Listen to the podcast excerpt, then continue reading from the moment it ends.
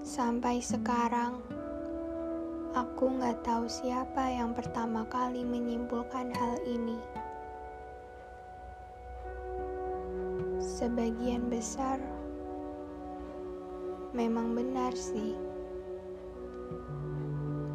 Mungkin karena situasi mendukung, udara yang sedikit lembab, harum tanah yang menyeruak, ditambah tetesan air hujan yang jatuh bagai keping kenangan, berhamburan dan menghipnotis pikiran.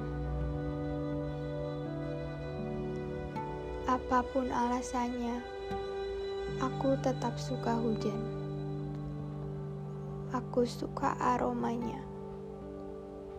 Mataku dipacu butiran-butiran air yang menyentak, menimbulkan suara gemericik yang sangat indah saat beradu dengan tanah dan atap rumah.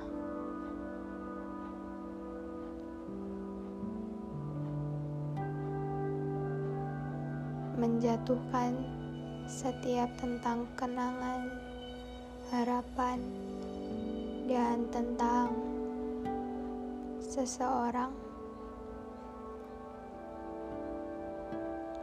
Hari-hari akan kulalui dengan nyaman. Tidak ada ocehan menyebalkan. Tidak ada yang akan menggeser posisiku di pojok ruang. Tidak ada lagi kedatanganmu.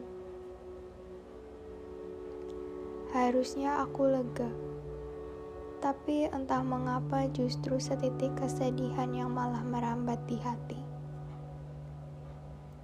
Semakin banyak seiring lebatnya hujan di luar sana. Kamu tertawa hambar lalu diam beberapa detik untuk mempertemukan pandangan denganku. Jujur saja, aku lebih suka kamu marah atau tersenyum dan tertawa lepas karena ulahku itu membuatmu terlihat jauh lebih hidup. Lalu keluarlah, lihat situasi setelah hujan. Hirup, lalu pejamkan mata.